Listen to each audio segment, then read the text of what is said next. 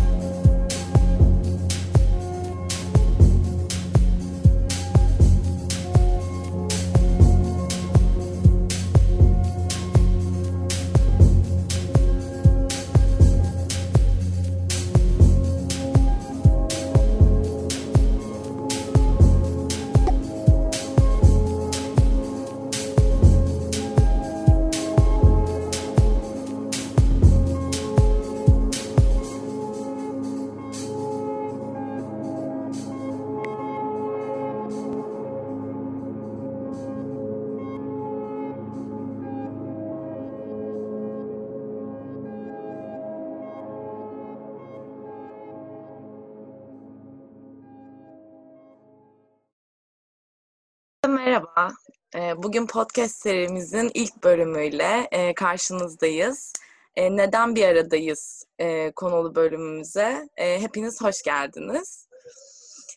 Şimdi bir lise öğrencisinin yerine koyun kendinizi. Sizi rahatsız eden bir takım şeyler yaşadınız ya da yaşıyorsunuz. Ama bunların ne olduğunu tanımlayamıyorsunuz. Belki bir şeylerden çekiniyorsunuz. Belki yeterli bir bilgiye sahip değilsiniz o an için.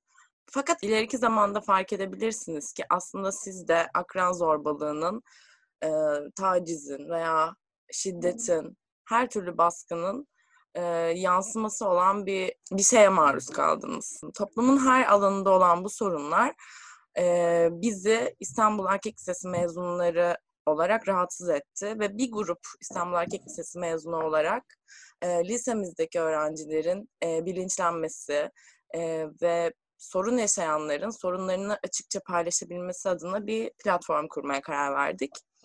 E, bugün de şu an e, o platformdan arkadaşlarımızla birlikte e, neden bu platform kurduk, neden buradayız e, sorusunu soracağız kendimize. Ben Dilara, İL 15 mezunuyum. Yankı ile beraber bugün bu programı modere etmeye çalışacağız. Merhaba herkese, ben Yankı, İL 16 mezunuyum ben de.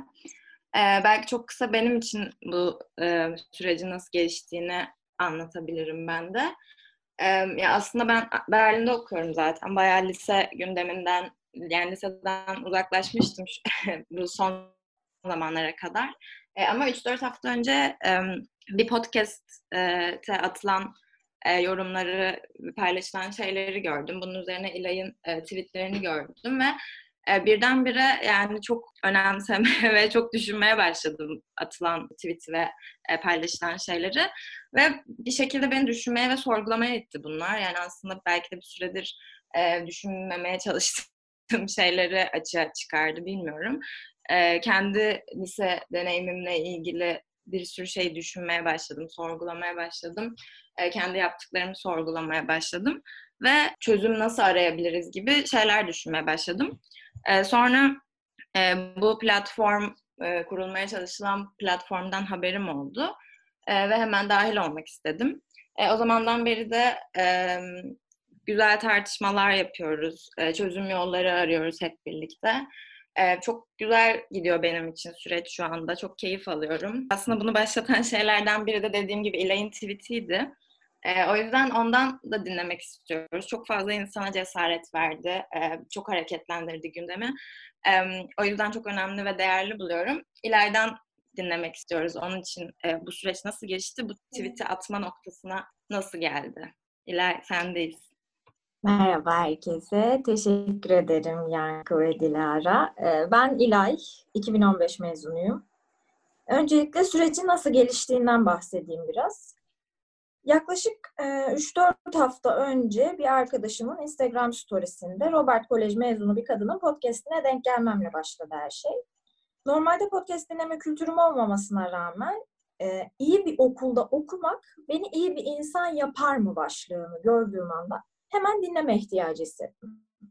Yani çünkü benim için cevabı çok basitti. yani. Hayır. Hani yapmıyor iyi bir insan.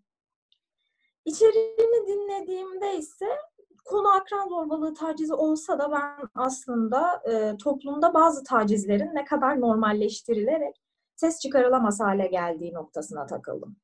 Sonrasında aynı kadının profilinde bizim okuldan bir arkadaşımın kendisine attığı mesajı anonim olarak paylaştığını gördüm.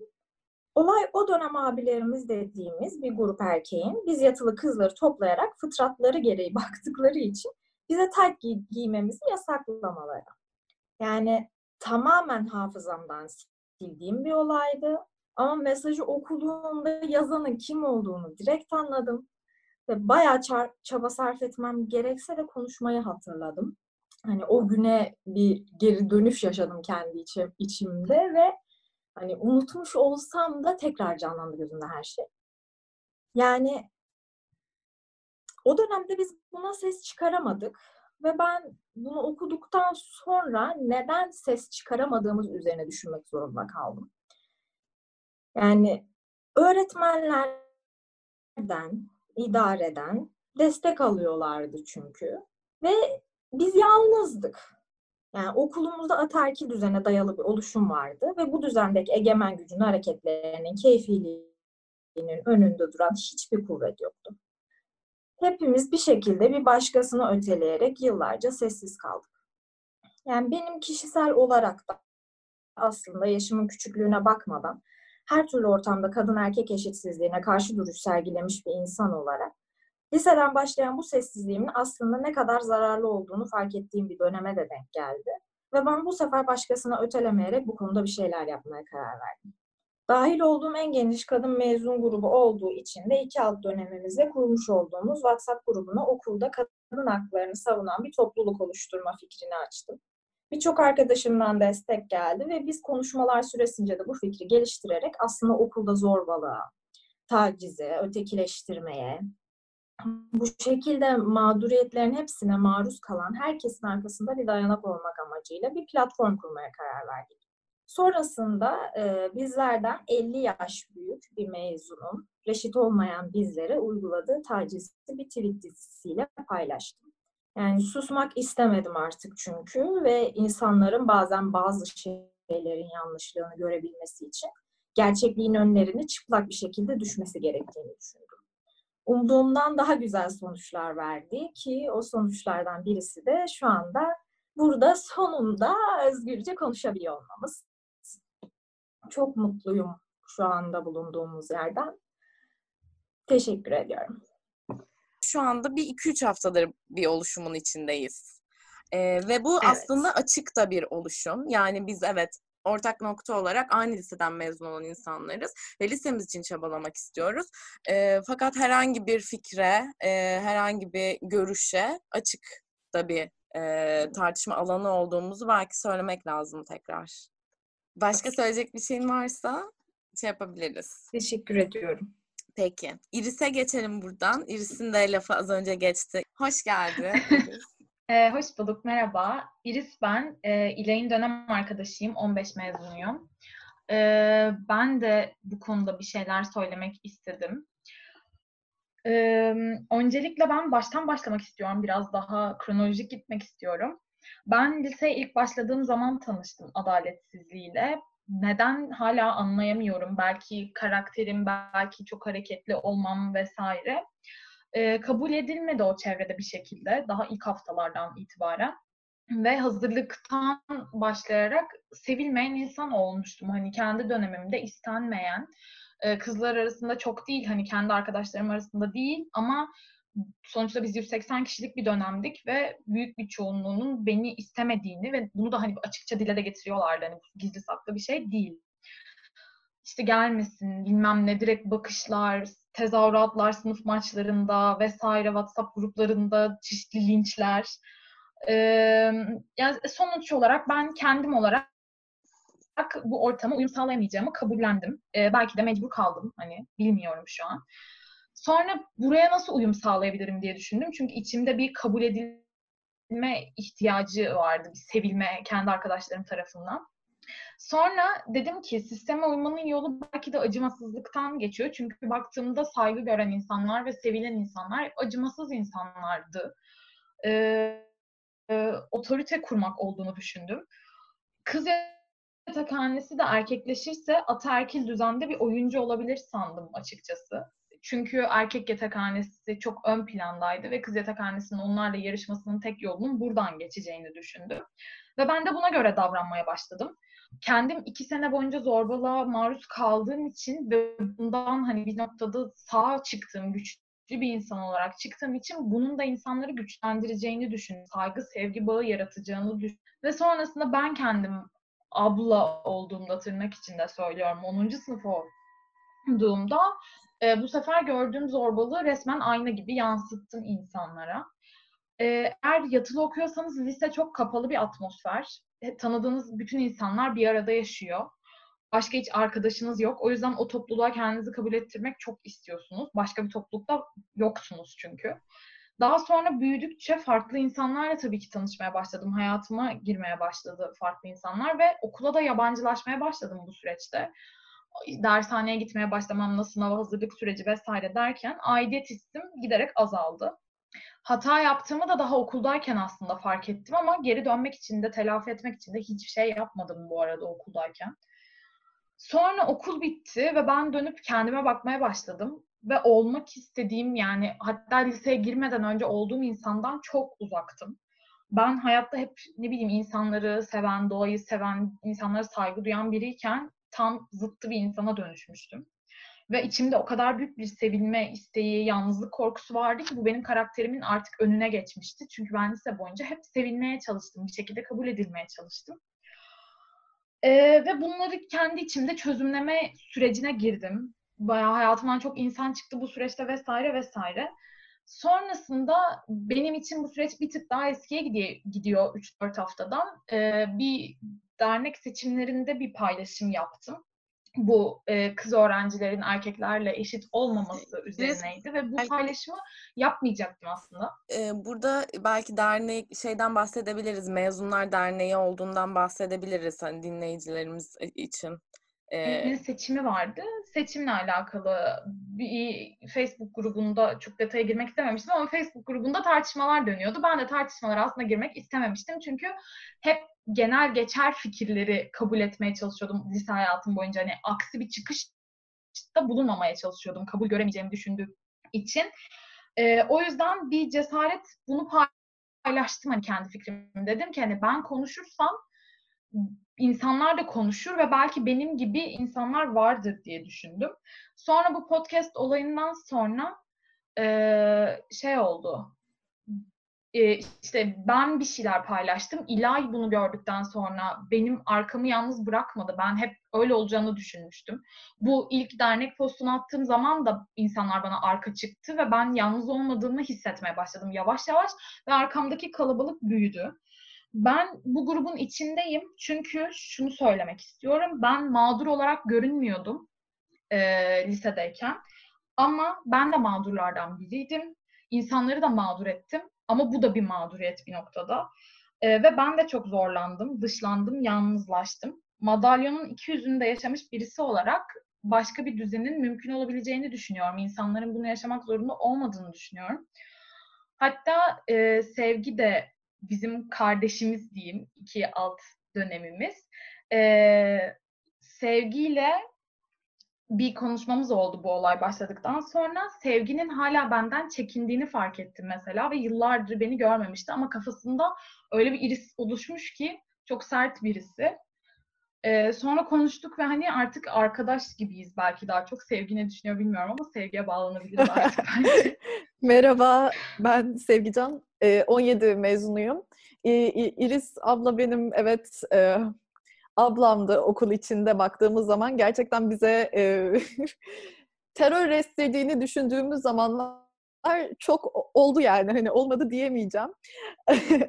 Girdiğimiz andan itibaren okula zaten hani çok büyük bir sistemin içine adım atıyorduk ve hani bu attığım bu adım attığımız yerde bize bu sisteme uymazsak başımıza gelecek kötü şeyler tek tek anlat, an, anlatılıyordu ilk girdiğimiz e, andan beri. Bu yatakhanede yapılan konuşmalarla e, ve e, nasıl diyeyim sisteme uymayan başka insanların başına gelen kötü şeylerle gösteriliyordu. Ve e, ben geldiğim andan itibaren sivri bir insan olarak mimlendim.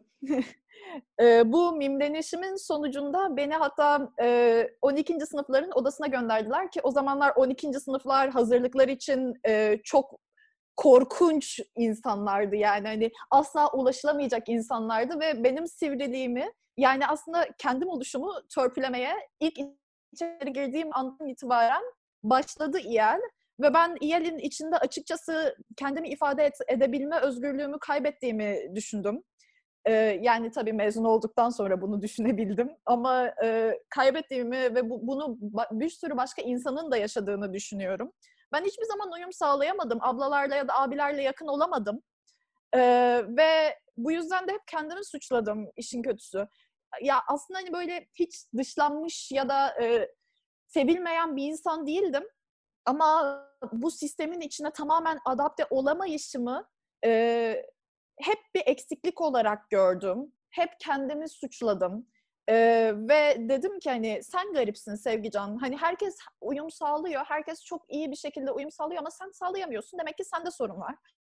Ama e, başka bir sürü insanın da bir sürü sıkıntısı olduğunu gördüm.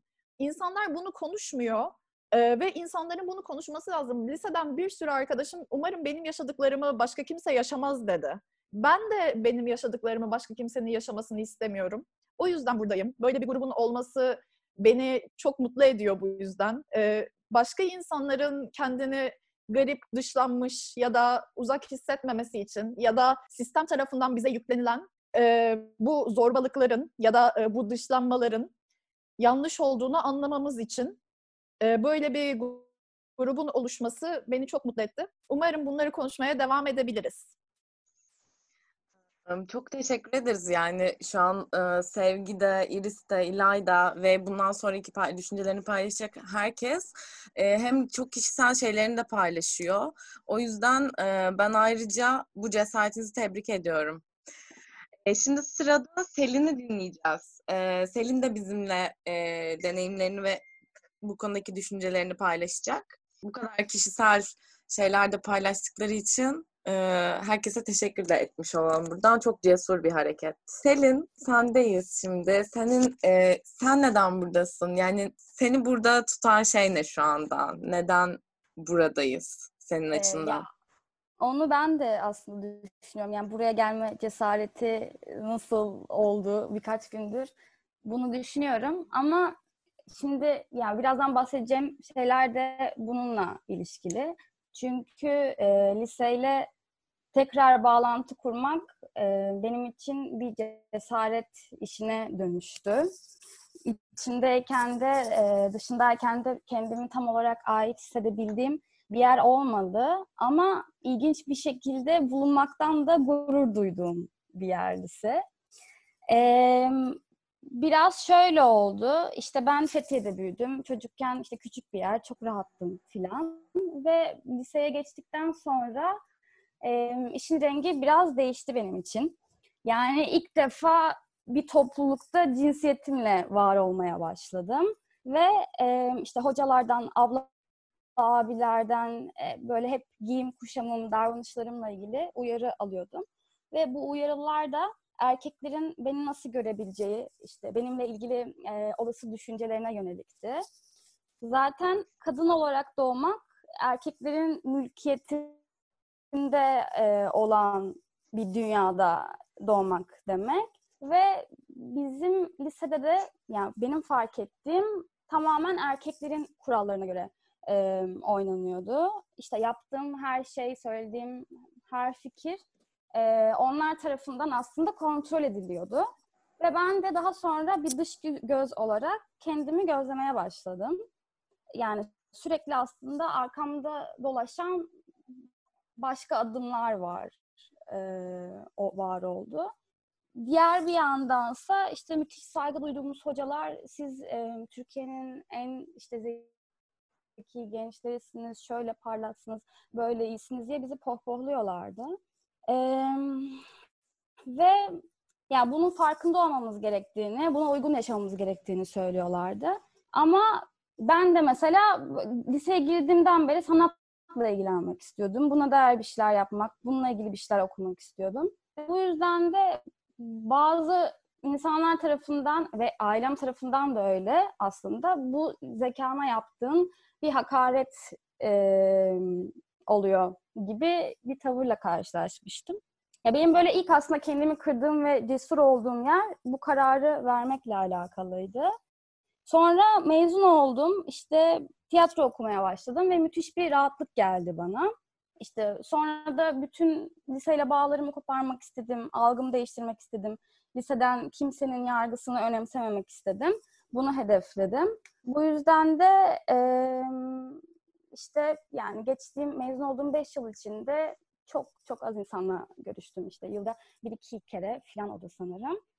Ve karantinaya girdik. Sonra korona geldi ve bu salgının etkisi de yani hepimizi ortak bir noktada buluşturdu. Ee, ve ardından işte bu yayınlanan podcast, yayın tweet'i bunlar patlayınca da böyle sanki terk ettiğim bir yere dair sorumluluk alma zorunluluğu hissetmeye başladım. Ya bu benim için bir borç ödemek gibi bir şey oldu aslında ve benzer şeyler yaşayan, bu noktada buluşan şu anda eskiden farklı düşünse bile şu an bu kadar insanın aynı düşünmesi beni çok etkiledi ve heyecanlandırdı. O yüzden de aslında bu lisenin gururunu taşımanın böyle yerlerden olduğunu düşünüyorum. Bu şekilde. Çok güzel özetledin. Evet, e, hepimizin böyle e, borçtan mıdır bilmiyorum ama hepimizin bir e, fayda sağlama amacında olduğunu biliyorum liseye yönelik. Şu anki e, şu an orada olan öğrencilere daha iyi bir yer e, yaratmak gibi bir en azından daha iyi bak, bakış açıları sunmak ya da tartışabilecekleri tartışabilecekleri alanlar sunmak onlara amaçladığımız şeylerden biri aslında. Evet yani çünkü bunu sen görünce çevrenden sen de aynısını yapmak istiyorsun bir şekilde. Evet. evet. Teşekkür ederim. Biz teşekkür ederiz paylaştığın için. Evet, Dilan ve Mine ile şimdi devam edelim isteriz. Uygunlarsa. Uygun. Bağlantılarsa. Buradayız, uygunuz. Şimdi Merhaba. ikiniz ikiniz biraz paslaşarak da gidebilirsiniz diye düşünüyoruz. Çünkü ortak e, bir noktadan çıkıyorsunuz veya ortak bir noktada buluşacaksınız. Tam emin değilim şu anda. Buyurun. Dilencim sen başla. Tamam. Ee, Mine ile benim ortak noktamız yani aslında lise boyunca belli ön yargılarla mücadele etmek zorunda kalmış olmamız. Yani ikimiz de çevremizce sivri biliniyorduk. İnsanlar bizimle konuşurken bu özelliğimizi bilerek geliyorlardı ve bu çok anlaşılabilir bir şeydi karşıdan bakınca. Ee, şahsi olarak hani konuşmam gerekirse bana ön yargılı olan grup yatılı kızlardı. Yani hazırlıkta sınıfımda hep yatılı erkekler vardı. Onlarla arkadaş olmuştum. Bu insanların çoğu hala çok yakın arkadaşlarım. Ama onlarla arkadaş olduğum anda yatılı kızlarla arkadaş olma şansım bitmişti. Ve ben bunun sebebini hani çok uzun süre anlamadım. Onlarla arkadaşım diye siz bana niye gıcık oluyorsunuz gibi düşünceler dönüp duruyordu kafamda. Ben 12. sınıfta yatılı oldum. Hani öncesinde de yatakhaneyle çok güzel ilişkilerim vardı ama hep yatılı erkekler üzerindendi. 12. sınıfta işte Mine aynı odada kalmaya başladığımda açıkçası öncesinde yaşadıklarımın sebebini öğrenme, oturup yatılı bir kızla tartışma fırsatım oldu. Mine belki bu kısmı kendi açısından yorumlamak ister.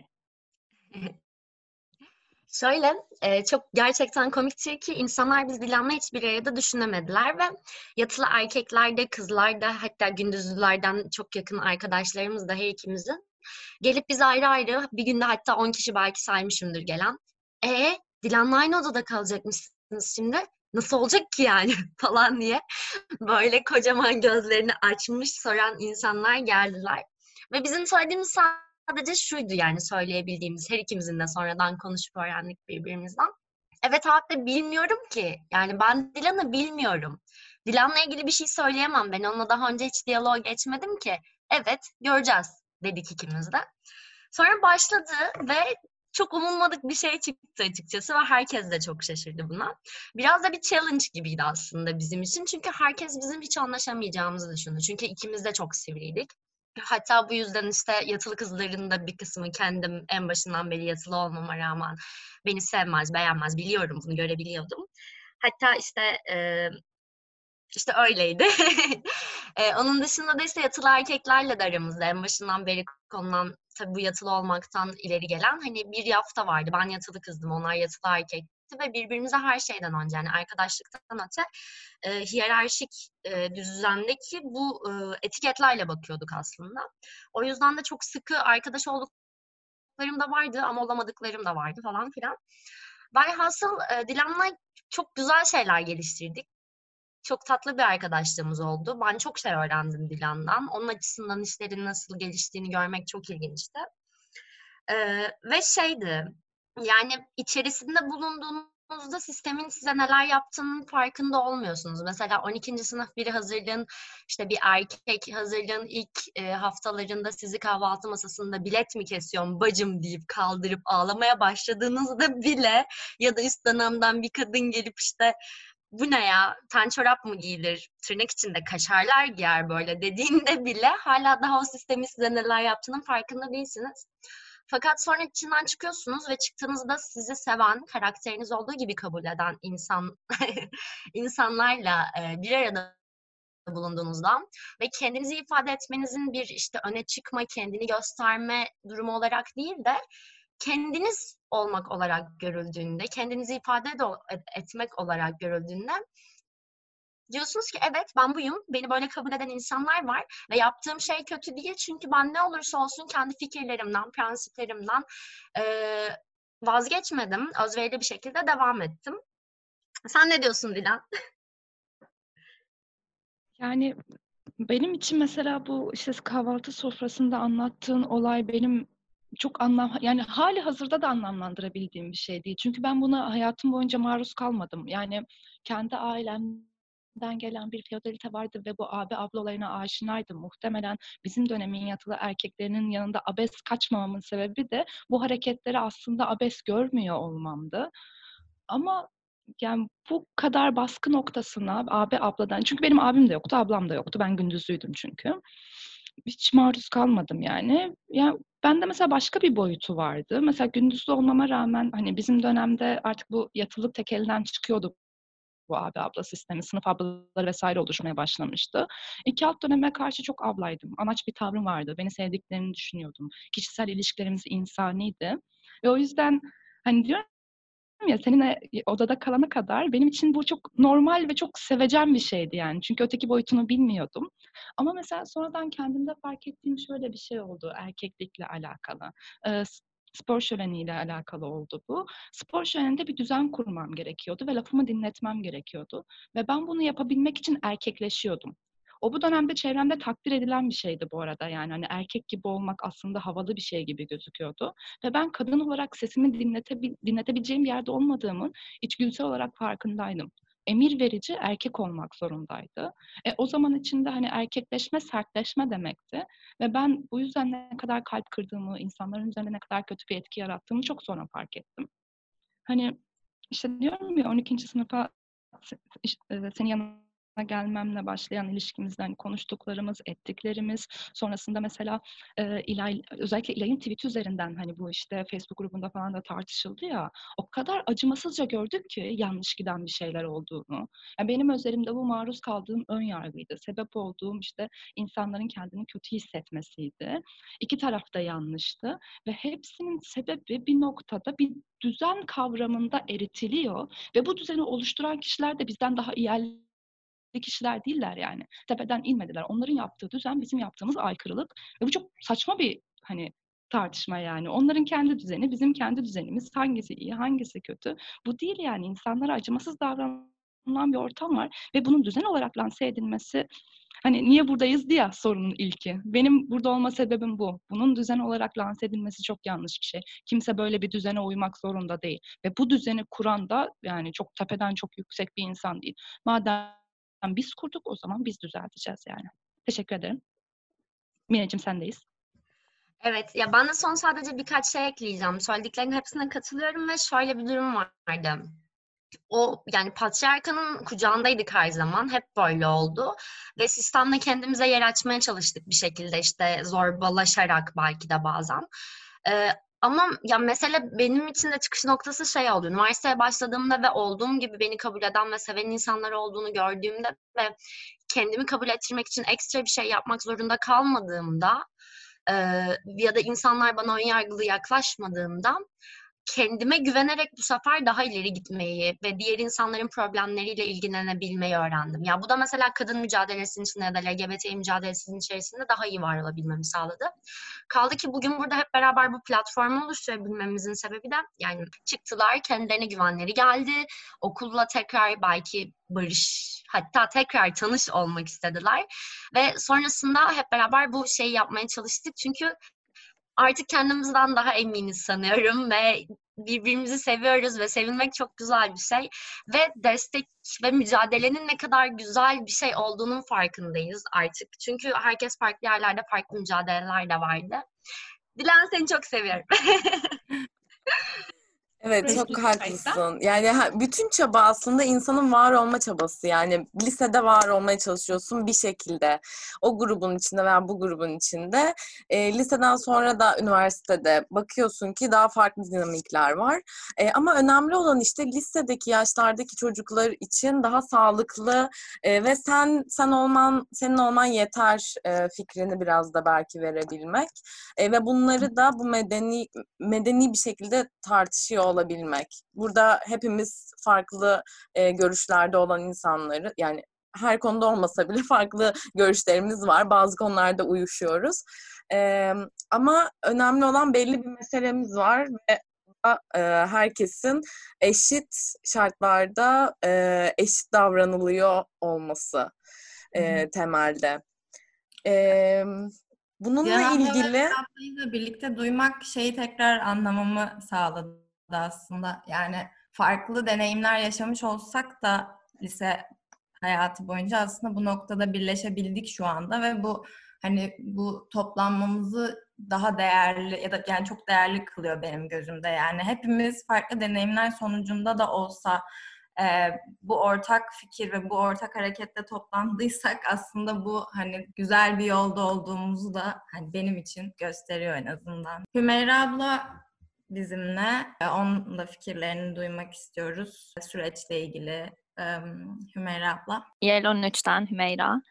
Ee, ya benim için bu oluşumun önemi aslında e, bu yani şu zamana kadar işte herkesin anlatmış olduğu deneyimlerin münferit ya da bireysel deneyimler olmak olmaması ve aslında bunların yani bir yani sistematik ve kolektif bir e, deneyim olması aslında ve bunu sadece işte İstanbul erkekle de kalmayıp ülkede veya dünyanın her yerinde aslında çeşitli biçimlerde işte kadınlar tarafından ya da e, yine ayrımcılığa uğrayan birçok grup tarafından yaşanan tecrübelerle aslında çok büyük ortak noktalarının olması benim için çok e, heyecanlı bir noktaydı ve bu konuda birileriyle e, sonunda en azından lise bazında bir araya geliyor olmak. Çünkü bütün bu deneyimlerin hepsinde şey tehlikesi her zaman yaşanıyor. Bunların bireysel deneyimler olarak görülmesi, e, insanların e, aslında yani bir sistemin parçası olarak büyüdükten sonra o sistemin e, sistematik bir şekilde mağduriyetler yarattığını gözden kaçırması. Ya yani burada ben sistem derken tabii ki işte bu anlatılan deneyimlerin içerisinde tek bir sistem yok. Yani erkek egemen sistem olabilir, ataerkil sistem olabilir, heteronormatif sistem olabilir, ırkçı bir sistem olabilir, cinsiyetçi bir sistem olabilir. E, ama e, bunların her ya tabii ki toplumun bir parçası olduğu için ise aynı zamanda e, artı bu hiyerarşik yapısının getirdiği ve yanlış anlaşılmaların getirdiği e, sebeplerle bu sistemin parçası olarak büyüyen insanlar olarak e, bunların farkına varmak her zaman o kadar kolay olmayabiliyor. Bir işte bu dediğimiz gibi içerisinde büyüdüğümüz için. iki yani herkesin bireysel haksızlıkların farkına varması çok daha kolayken mesela işte burada ne bileyim e, İlay'ın anlattığı bu tight giyememe hikayesini ya da işte başkalarının anlattığı hikayeler tek tek dinlendiğinde evet çok saçma veya evet çok çocuksu e, şeyler olarak görülebiliyor. Ama bunlar e, bu sefer yani insanlar tarafından bunları onu dedirten, bunu söylemeye hakları olduğunu düşürten mesela işte tayt giyme mevzusunda yine daha büyük bir çerçeveden buna bakıp aslında neden böyle bir hakları olduğunu düşündüklerini sorgulamaları zorlaşabiliyor insanların. Çünkü bir e, birilerine zarar veren bir sistemin içerisinde fail olarak aktör aldığınızı kabullenmek çok zor bir şey. E, ben bu hareketi mesela şu açıdan değerli buluyorum. Çünkü aslında şeyi kabullenmek lazım. Yani ırkçı bir dünyada, cinsiyetçi bir dünyada, ayrımcı bir dünyada var olurken aslında hayatınızın hiçbir yerinde cinsiyetçi bir davranışta bulunmamış olma olasılığınız, ırkçı bir davranışta bulunmamış olma olasılığınız aslında hemen hemen yok gibi. Dolayısıyla bunu kabullenmekte bir adım olması ve bu kabullenişin sonucunda bunun dönüştürücü bir gücünün olması bana çok heyecan verici geliyor. Ee, işte İstanbul erkek özelinde de baktığımızda bunun en büyük şeylerinden bir tanesi işte erkek egemenliği dedik ve mesela bir erkek için bunu İstanbul erkekten çıkan bir erkek için belki bunları kabullenmek işte çok zorken bu yüzden mesela deneyim inkarları gibi şeylerle karşılaşabiliyoruz. Mesela işte İlay'ın örneğinde yaşadık hepimiz. E, çünkü neden? Bunun sistematikliğin kabullenildiği noktada bir şeyler yapmak zorunlu hale geliyor. Ahlaki seçimler yapmamız gerekiyor. Mesela bir insanın sistematik bir e, şekilde bir ayrımcılık yapmış olduğunu düşündüğümüzde mesela atıyorum o insanla arkadaş olmaya devam edecek miyiz gibi kararlar almamız gerekiyor. Ya da bir erkekseniz mesela erkek egemen bir sistemde bu sistemin size nasıl faydalı sağladığını düşünmeniz gerekiyor. Bunun üzerine kafa yormanız gerekiyor ve bundan sonra neleri farklı yapabileceğinizi, bunu nasıl e, sistem içerisinde kadınlar lehine kullanabileceğinizi düşünmeniz gerekiyor. Dolayısıyla bu sebepten de zor. O yüzden benim bu camiada gözlemlediğim şey mesela bireysel olarak bütün bunların haksızlığının ya da çocukluğunun ya da saçmalıklarının aslında herkes tarafından biraz bahsedilip bu büyük çerçeveden bakmaya çok az insanın aslında cesaret bulabildiğiydi. Dolayısıyla burada bizim bu deneyimlerden çıkarak bir araya gelmemiz ve aslında yaşadığımız deneyimler birbirlerinden farklı olsa da ortak paydalarının nasıl bir sistem ürünü olduğunu sorguluyor olmamız benim açımdan çok değerli ve herkes açısından aslında bir yandan değerli. Dediğim gibi yani yıllarca içerisinde bulunduğumuz toplum ve artı işte bu okulda bunun üzerine eklenen bazı şeyler dolayısıyla bunlardan sıyrılmak çok zor. E, bir de bizim okulda biraz şöyle de bir boyutu vardı bunun bence. E, insanlar yine bu sistematik olmasının zor anlaşılmasının bir sebebi e, yine ya bu işte e, Selin'in de bahsetmiş olduğu zeki olmakla da biraz bir ilgisi var gibi. Mesela çünkü biz şu an e, yine yaşadığımız e, deneyimlerden ve Facebook'ta falan işte bu yaşadığımız çatışmalardan anladığımız kadarıyla mesela insanlar biraz şey gibi düşünüyorlar. Ya cinsi bir, bir mesela İstanbul erkekte cinsiyetçilik olsaydı bilirdik. Çünkü cinsiyetçilik ya bir deneyim olarak görünmüyor da aklınızla direkt anlayabileceğiniz bir şey olarak görülüyor mesela ya da işte ben ırkçılık yapıyor olsaydım bunun farkında olurdum ve yapmazdım. Çünkü işte o eğitim seviyesinde değilim ve zaten çok zekiyim falan gibi. Dolayısıyla bun, ya mesela işte o yüzden Iris'in anlattığı şey çok değerli. Çünkü aslında bunun e, onunla alakası yok ve birilerini dinleme yeteneğiyle işte empati ve değişebilme cesaretini göstermekle sorgulama cesaretini göstermekle alakalı şeyler. Çünkü kabul edelim ki bunları kabullenmediğinizde çok daha kolay bir hayatınız var. Çünkü bireysel olarak bütün olaylara üzülüp sonra geçebilirsiniz ama bunun kolektif bir sorun olduğunu kabullendiğinizde harekete geçmeniz gerekir gibi. O yüzden e, toparlamam gerekirse ben bu oluşumdan ötürü çok heyecanlıyım. Çünkü hepimiz de çok çeşitli değişiklikler yapabil yaratabilir. Hiçbirimiz sistem içerisinde masum kalmadık ama ümit ediyoruz ki artık insanlar kolaya kaçmaktan, kendi iç savaşlarını vermemek için deneyimler inkar etmekten ve sürekli savunma pozisyonda olmaktan vazgeçip bir şeyleri değiştirebilme idealimizde bize katılırlar. Teşekkür ederiz. Tek yönlü bir şey olmadığını aslında e, göstermiş oldum bana kalırsa açıklamanla. Ne sadece bizim lise özelinde ne birey özelinde e, çok daha aslında geniş bir perspektiften de ele alınması gereken ve alınan da zaten e, bir durum. Burada bizim kendi çevremizde, oluşumumuzda yansıması bu şekilde oluyor. Ve umuyoruz ki güzel yerlere gidecek. Biraz Nilay'ı da dinleyebiliriz. E, Nilay bu oluşum hakkında ne düşünüyor? Neden burada olduğunu düşünüyor? Merhaba. ben Merhaba. e, 14 mezunlarından Nilay. Ben hazırlık senemde yatılı, sonraki senelerimde gündüzlü olarak İstanbul Erkek'te bulundum. Ben hazırlık senemde e, nedense sadece kızlara uygulanan, benim bakış açımla korkunç dediğim, korkunç diye nitelendirdiğim ko- kurallar sebebiyle de yılın sonunda ben aileme gidip dedim ki lütfen ya beni yatakhaneden ya da okuldan alın. Ben bu şekilde devam edemem ve yaşayamıyorum böyle hapishanede gibi hissediyorum dedim. Ve bunu gözyaşları içinde yaptım yani. Ailem de şok olmuştu. Ondan sonra Allah'tan annem konusunda biraz şanslı olduğum için biz eve çıktık İstanbul'da ve ben geri kalan hayatımı İstanbul Erkek'teki sürecime en azından gündüzlü devam ettim. Ve o sene boyunca gördüğüm, yaşadığım, tecrübe ettiğim ya da yaptığım şeyler yüzünden ben kendimi yatılılıktan çok soyutladım. Yani yatılı dendiği zaman 9'un başında bile hani yatakhaneden yeni çıkmış biri olarak herhangi bir şekilde üstüme alınmıyordum bile yani yatılı mı? Ben değilim o gibiydi yani. Sonrasında tüm lise sürecinde yaşadığım şeyler yüzünden de ki bunların bazıları çok basit şeyler yani e, atıyorum futbol takımına katılmak istediğimde sınıf takımına bana sınıfımızdan biri elinin hamuruyla erkek işine karışma. Anca yedek olabilirsin dedi mesela. Yani bunun gibi basit şeylerden şu an e, konuşmak konusunda rahat hissetmediğim çok daha derin şeylere kadar bir sürü şey gördüm. Ve bunlar da beni daha ben 12'deyken bile lise hayatımdan çok uzaklaştırdı. Yani ben İstanbul erkekli gibi hissetmemeye bile başladım. Ve yani o kadar uzaklaştırdım ki bu duygudan, bu düşünceden. Yani ben burada bu, bunu bana başkasının yaptığı bir şey değildi bu. Ama ben kendime kendi kendime vedamı kaçırttırdım. Bunun bir parçası olmadım. Şu an hala pişmanlık duyduğum bir şey bu benim. Yani aradan 5 yıl mı geçti, 6 yıl mı geçti emin bile değilim.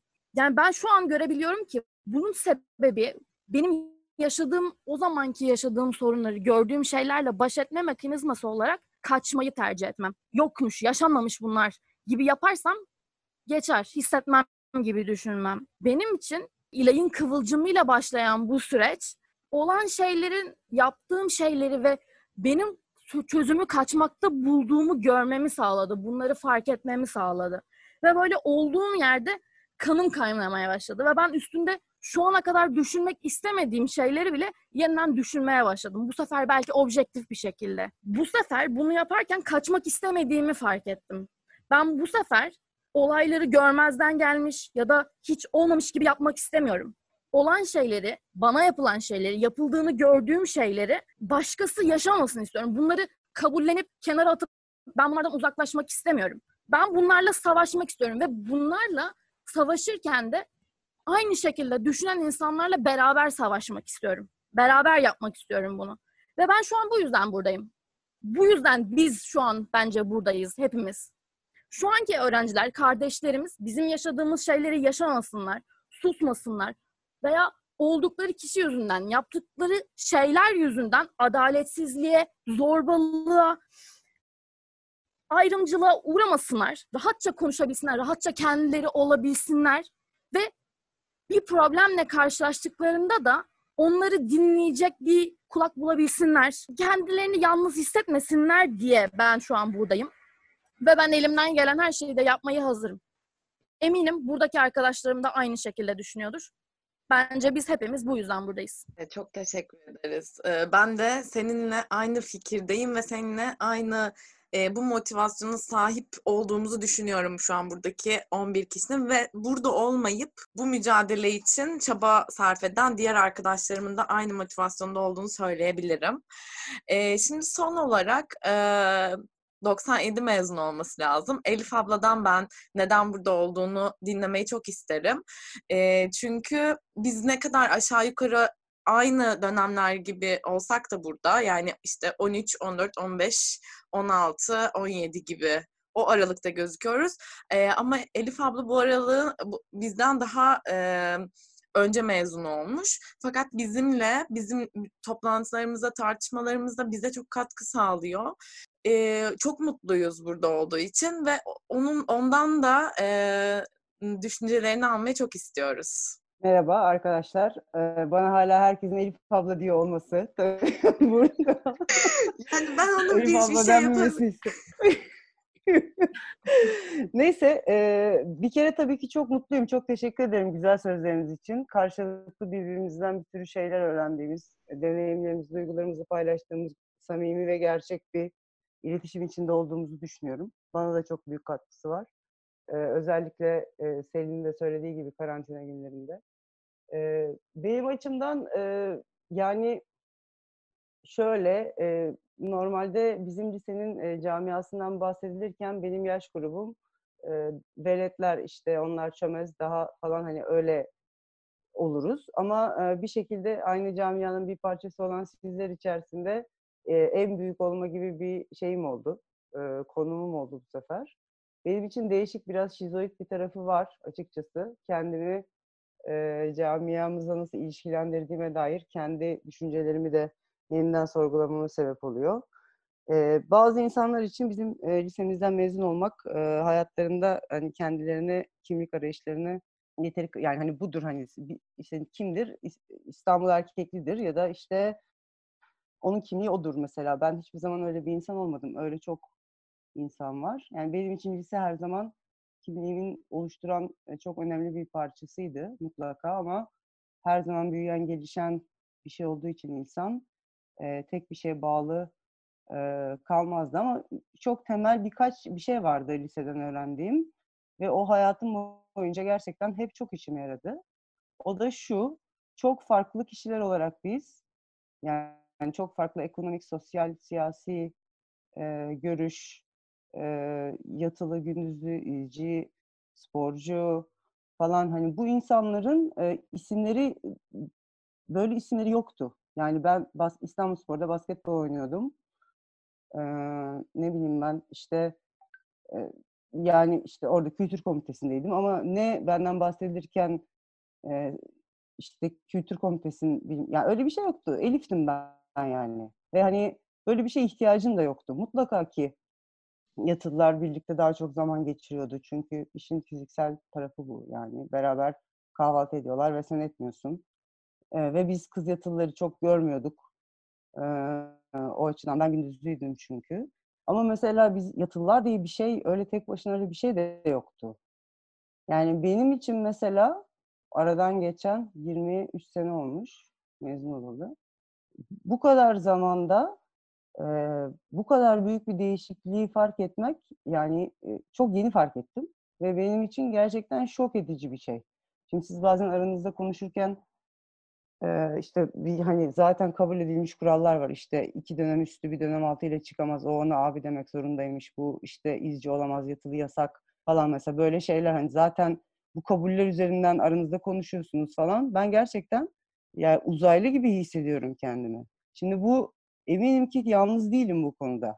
Yani e, benim jenerasyonum benden sonraki bir sürüsü ve benden öncekiler mutlaka e, yani nasıl bir durum olduğunu gerçekten anlasalar e, şok olurlar yani.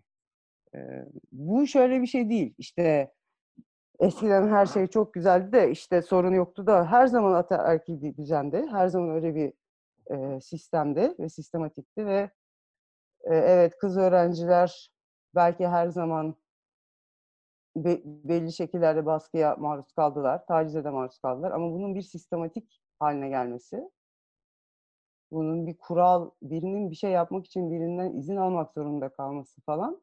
Bunlar kabul edilecek şeyler gibi bana gelmiyor. Çünkü şu da var. Mesela o zamanlar biz mezun olurken işte eğer ki İslam erkekli olmakla gurur duyuyorsak e, şununla gurur duyardık. Biz işte özgür düşünebilen, zeki, hani fikir yaratabilen, yaratıcı, akıllı, işte tuttuğunu koparan, asla işte ne bileyim Galatasaray Lisesi gibi değiliz yani. Bununla gurur duyardık. Asla işte Monşer gibi gözüküp aşiret gibi çalışmayız. Çünkü biz işte çağdaşız falan. Yani kimliğimizin bende kalan kısmı buydu. Ee, dolayısıyla şu bugün burada olmak, toparlamam gerekirse bütün bunları e, benim için hem çok mutluluk verici bir şey hem de hüzünlü bir şey. Ee, arkadaşlarımdan çok önemli bir şey olduğunu düşünüyorum. Ee, kendi içimizde bu meseleleri konuşmaya başlamanın ve umarım iyileşme yolunda bir takım adımlar atmanın. Çok teşekkürler. Çok teşekkürler Elif abla. Ee, abla demeden edemiyorum. ee, iyi ki, iyi ki bizimlesin. Çok mutluyum aramızda olduğun için. Yavaş yavaş e, programı toparlayalım. E, son olarak şeyi vurgulamakta fayda var belki. Biz bu podcast'i e, devam ettirmek istiyoruz. Farklı konseptler e, yapabilmek istiyoruz. E, konular belirleyip tartıştığımız bir konseptimiz olsun istiyoruz. Karşılıklı sohbet havasında geçen e, programlarımız olsun istiyoruz. Bu konuda da bu konuda da dışarıdan e, yani şu anda içimizde olmayıp ama bu katılmak isteyen herkesi bekliyoruz. Konu önerisi, ben gelip konuşmak istiyorum diyen herkesi e, bekliyoruz. Zaten e, İYEL Eşitlik ve Dayanışma Platformu'nun bir yazısı da yayınlandı. Oradan Facebook sayfası, Instagram sayfası, e, mail adresi vesaire hepsini görebilirsiniz. Oradan da ulaşabilirsiniz bize.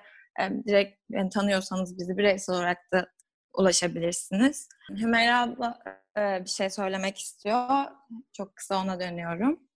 Sadece bu söylediğin şeyle çok alakalı bir şekilde Nilay'ın da söylediği gibi dedi ya ben düşünmek istemediğim şeyleri düşünmek zorunda kaldım ve artık bir şeylerin değişmesi için ben de çaba harcamaya karar verdim diye. Bu sebeple yani bu çağrının bir yerinde herkese şeyi de söylemek istedim. Yani böyle şeylerle yüzleşmenin çok büyük ve duygusal yük getirdiğinin farkındayız. Ee, ve hep birlikte bunun içerisinde yer almak istiyoruz. Birbirimize destek olarak konuşmak istediklerimizi konuşup konuşmak istemediklerimizi henüz hazır olmadıklarımızı belki sonra yasaklayarak birbirimize yardımcı olarak ama yani o şey noktasında da o sorgulayıcı şeyin gücünden de yararlanarak önemli olan kat, yani gelmenizdi yani daha önce nerede ne yaptığınız değil ama artık sorgulamak istiyor olmanız bizim için çok değerli gibi bir şey söylemek istedim sadece. Aynen. E, kelimesi kelimesine hepsine katılıyorum. Hepimiz belki e, çok kolay gelmedik bir noktaya ama konuşa konuşa bir şeyler paylaşarak geldik. Herkesi de bir şeyler tartışmaya, düşünmeye, sorgulamaya davet ediyoruz. Bir sonraki podcastimizde görüşmek üzere. Kendinize dikkat edin.